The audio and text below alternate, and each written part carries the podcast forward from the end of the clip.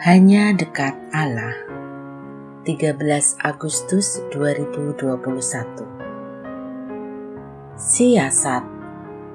Amsal 30 ayat 20 Inilah jalan perempuan yang berzina Ia makan lalu menyeka mulutnya dan berkata Aku tidak berbuat jahat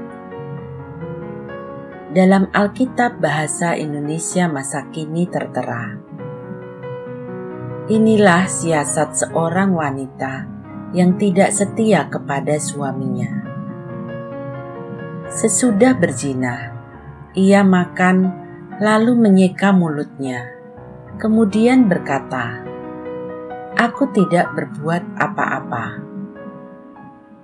Apa yang kita bisa pelajari dari Amsal Agur bin Yake ini?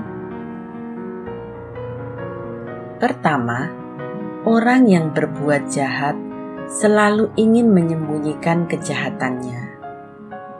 Dia melakukan aktivitas seperti biasa tanpa ada rasa bersalah sedikit pun.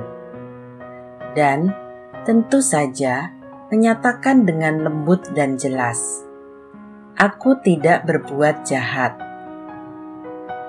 Namun, kita bisa curiga kalau yang bersangkutan membela dirinya sekuat tenaga. Semakin gigih seseorang membela dirinya sendiri, makin beralasan kita mencurigainya. Segala yang berlebih layak kita perhatikan.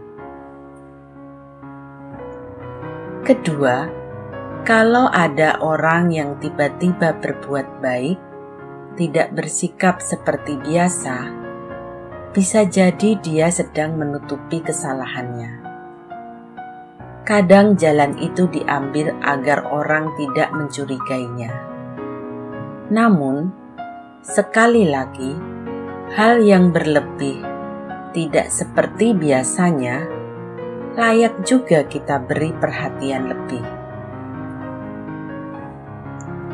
Ketiga, perlu kita perhatikan bahwa kejahatan tak hanya monopoli kelamin tertentu. Suami pun bisa berselingkuh.